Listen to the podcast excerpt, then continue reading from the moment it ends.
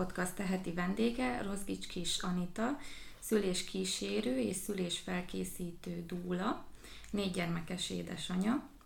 A neve többeknek ismerősen csenghet, ugyanis a Heves megyei hírlapban, illetve a heol.hu-n is írtunk már róla többször is, ugyanis ő és a családja nem mindennapi életformát választott magának, egy gyurtában laknak Isten mezején, pontosabban Isten mezeje szélén, és hát Anita a dúlasággal 7 éve találkozott először, ha jól tudom. Megálmodta a Mévirág Központ és Anyamenedéket, illetve dr. Csibi Urbanics Katalin, aki most sajnos nem tud itt lenni velünk, a másik tulajdonos, Rozgics kis Anita, tehát a vendégünk. Anita, mesélnél egy kicsit magadról, hogy hogyan találkoztál a dúlassággal, és mi inspirált erre az útra?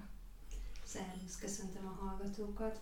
Mint említetted, négy gyermek édesanyja vagyok, és én minden így várandóságomban nagyon megszenvedtem, különösen az első néhány hónapban, amikor nagyon legyengültem, sok anyához hasonlóan rengeteget hánytam, és én emiatt három alkalommal is kórházba kerültem, mert tényleg uh, még a tiszta vizet is kihánytam, és, uh, és nagyon sokszor volt lehetőségem látni, hogy egyébként az édesanyák, akár vajudás közben, akár ha várandósan kórházba kerülnek, mennyire magukra hagyottak, mennyire kevés információval látják el őket, és mennyire nem segít nekik senki, holott sokszor csak egy jó szó, egy ölelés, egy meghallgatás, mennyire sokat jelentene abban akár, hogy hazamehessenek, vagy hogy a vajudásuk sokkal gördülékenyebb legyen.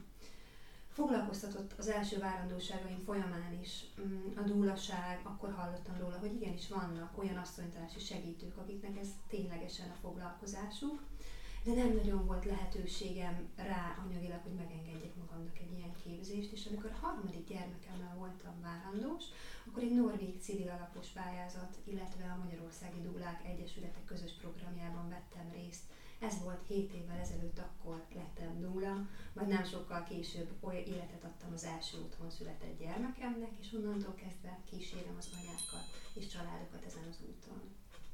És a Mévirág központhoz hogyan kapcsolódsz, vagy mit, mit, mit csinálsz tulajdonképpen ebben a anyamenedékben? Hmm. Én is egy vidéki édesanyja vagyok, aminek az a hátránya sok-sok előny mellett, hogy messze élünk a kórháztól. És az otthon szülésnek, vagy intézményen kívüli szülésnek az az egyik feltétele, hogy a születés helyszínén től kell, hogy legyen 20 percre háttérintézmény szülészettel, így én például egyik gyermekemet sem szülhettem otthon-otthon a saját otthonomban, hanem el kellett menni. Az egyiket az édesanyám otthonában szültem, a másikhoz pedig kellett keressek itt Egerben egy kölcsönlakást, ami nem volt egy egyszerű dolog. Tehát igazából nem volt senki Egerben, mm, úgy kerestem meg én is egy dublát, és az ő otthonában szültem meg a, a filmot, de alapvetően ez, ez egy elég jellemző probléma azoknak az anyák számára, akiket érdekel az otthonszülés, hogyha az ő otthonuk nem alkalmas rá, akkor igazából hát nem kérhetnek meg boldog-boldogtalant, hogy figyelj, csak szeretnék a lakásodban, házadban szülni, esetleg lehet ez. Azért ez egy elég intim téma, egy elég intim kérés, és dúlaként is látom azt, hogy azok a kismamák, akik hozzám fordulnak, nekik is továbbra is feladat ez. És sok anyának sikerült már megoldani, viszont azért évek óta dédelgetem én is a szívemben a vágyat, hogy mennyire jó lenne egy hely, ahol senkinek nem kellene a szülés idejére elmenni, mert ez kizárólag arra lenne fenntartva, hogy ide családok jöhessenek, itt otthon érezzék magukat, akár itt töltsék az első néhány napot, és mindenképpen egy olyan helyre van szükség, ami közel is van a bábákhoz. Mert hogy Magyarországon jóval kevesebb bába van, mint ahány család szeretné ezt a lehetőséget választani. És ezek a bábák, ezek többnyire az ország középső részében székelnek, ott élnek, és onnan kell akár Miskolcra, Debrecenbe elmenniük egy-egy szüléshez, és Nyilván, hogyha van a közelükben szülés, akkor érthető, hogy nem az észak-kelet magyarországi anyákat választák, hanem azokat a családokat, akik közelebb vannak hozzájuk időben. Viszont engem még pont az a távolság, ahová ők szívesen eljönnek. Tisztázzuk már a dóla és a bába fogalmát, jó? Mert szerintem sokan nem tudják, hogy mi a különbség. Igen, a dóla ő úgy mondjuk, hogy laikus asszonytársi segítő, vagyis nincs egészségügyi végzettsége, ő azért feláll, hogy a vajúdó édesanyja, illetve a család kellő információval legyen ellátva, jó legyen a közérzetük. Olyan támogatást nyújt, mint amit az egyik barátnő tud a másiknak. Tehát adott esetben masszíroz, borogat, tanácsot ad, segít meg felvenni a megfelelő pozíciót, ismeri a születés folyamatát és kíséri a családot már a várandóság alatt is, és így bizalommal van ott a szülésnél. Vele szemben vagy mellette pedig a bába, ő egy egészségügyi dolgozó, aki minimum felsőfokú szülésznői képesítéssel rendelkezik, illetve van saját praxisa, vagy egy praxisban dolgozik, ahol minden körülmény um, adott ahhoz, hogy ők otthon szüléshez mehessenek, tehát a törvényben előírt mindenféle gyógyszer és orvosi segédeszköz nála van.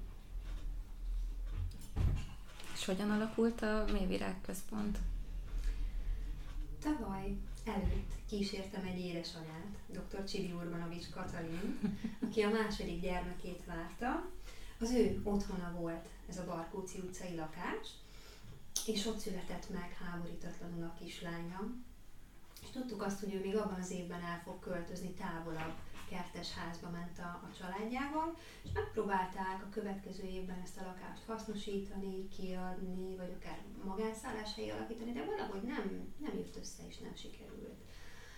És én nagyon sokszor kértem őt, hogy esetleg, ha lehet, akkor próbáljuk meg ezt másképpen hasznosítani. Egyébként kettő baba megszületett már úgymond a mélyvirág központ és anyamenedék falai között, mikor még nem is volt mélyvirág, hanem egyszerűen csak megengedte az anyáknak akiknek mondjuk Ózra nem jöttek volna ki a bábák hozzájuk, vagy a Bánhorváttól nagyon-nagyon messze volt a kórház, hogy ott adjanak életet a, a gyermekeiknek, és végül a tavalyi év, év szeptemberében, amikor egy újabb megkeresést kapott, akkor döntött úgy, hogy igen, akkor ez a hely ez tényleg ezt kívánja, és azóta igyekszünk programokat szervezni, illetve nyilván azóta is már több szülés is volt a falaink között. És mesélnél, hogy hogy néztek ki ezek a szülések, hogy hogyan kell ezt elképzelni? Általában vagy megkeres minket az édesanyja már, mint mélyvirág központot, vagy pedig ugye olyan is van, hogy kifejezetten engem keresnek meg nullaként, és jelzik, hogy ők bizony messze laknak, és van egy ilyen problémájuk. Van olyan, hogy együtt keresünk bábát, mert ugye azért négy bába praxis működik az országban, és azért közülük három el szokott jönni ide Egerbe is. Szóval van, hogy együtt keresünk bábát, de olyan is van, hogy már úgy keresnek meg minket, hogy már van bábájuk, már igazából mindenük megvan, csak egyedül az a hely hiányzik, ahol ők, ők szülhetnének. Mi is szoktunk egyébként szerződést kötni az édesanyákkal, amiben ezt leszögezzük, hogy ez viszont az ő kötelességük, hogy az egészségügyi szolgáltatót biztosítják, illetve elmondják, hogy kötöttek velük szerződést. Nagyon sok konzultációt igyekszünk tartani, meg a különböző programokra is várjuk azokat az anyákat, akik ott fognak szülni, azért, hogy ismerkedjenek a környezettel, hogy otthonosan érezzék magukat a falak között. Egyébként teljesen felszerelt lakásról van szó, tehát hogyha ott marad a szülőpár, akkor ők akár előre behozhatják a lefagyasztott élelmiszert, betehetik a hűtőbe, elhozhatják az ágyneműket, vagy olyan tárgyakat, amiktől ők otthon érzik magukat, és maradhatnak is a születés után miután az újszülött megszületett, 24 órán belül kell, hogy lássa egy újszülött gyógyász. Általában a doktor úr Ózról szokott kijönni. Éppen ezért nem is nagyon célszerű, hogy Felgertől távolabb vagy hazamegy a család, hanem jó, hogyha neki, a doktor úrnak is minél kevesebbet kell utazni, úgyhogy még ez is a mélyvirágban szokott történni. Illetve sok anyának igénye van rá, hogy akkor az első és a háromnapos bábai konzultációt is ott várják meg. Tehát gyakorlatilag beköltöznek arra a néhány első napra amikor a babájukat már kezükben tarthatják. És mit tapasztaltak, hogy így sokkal egyszerűbb a szülés? Könnyebben lezajlik, mint mondjuk, hogyha elmegy az anya a kórházba? Hát nincs benne az a kizökkentő tényező. Ugye mm, ma már azt mondhatjuk, hogy nagyon sok anyuka készül tudatosan az egész szülésre, és épp ezért nem rohannak be a szülés elején a kórházba, hanem már aktív vajudással mm, mennek be. Hozzánk meg ugye általában nem aktív vajudással szoktak érkezni, hanem már amikor vagy elfolyik a magzatvíz, vagy pedig látják a korai vajudás első jeleit, akkor elindulnak azért, hogy ne, ne közben szakadjon meg a folyamat. De egyébként ez alapvetően elmondható háborítatlan szülésre, hogy igen, sokkal, hát mondhatjuk azt, hogy gyorsan is, de könnyebben megy a folyamat. Tehát, hogyha az anyát mm, nem piszkálják, nem fenyegetik, nem akarják folyton megvizsgálni, nem véleményezik. Azért ilyenek sajnos nagyon sokszor előfordulnak a kórházban, mert nyilván a kórházi dolgozók sokkal több szülést kísérnek, sokkal túlterheltebbek, mint azok a bábák, akik pedig egy anyát kísérnek végig az egész várandóság és a gyermek folyamán, ismerik az előéletét, a családját, tehát sokkal jobban oda tudnak figyelni, illetve ugye látják egészében a folyamatot, nem pedig akkor találkoznak először egy, egy várandós akiről csak azt tudják, hogy mm, hány hetes, hány centiméter tárulásnál tart, vagy van-e esetleg... Tehát akkor a bába és a dúla az egész végig a szülés kezdetétől, vagyis a, a teherbeesés kezdetétől majdnem, hogy úgy mond, ott van az édesanyával, ugye, és akkor folyamatosan készítik őt föl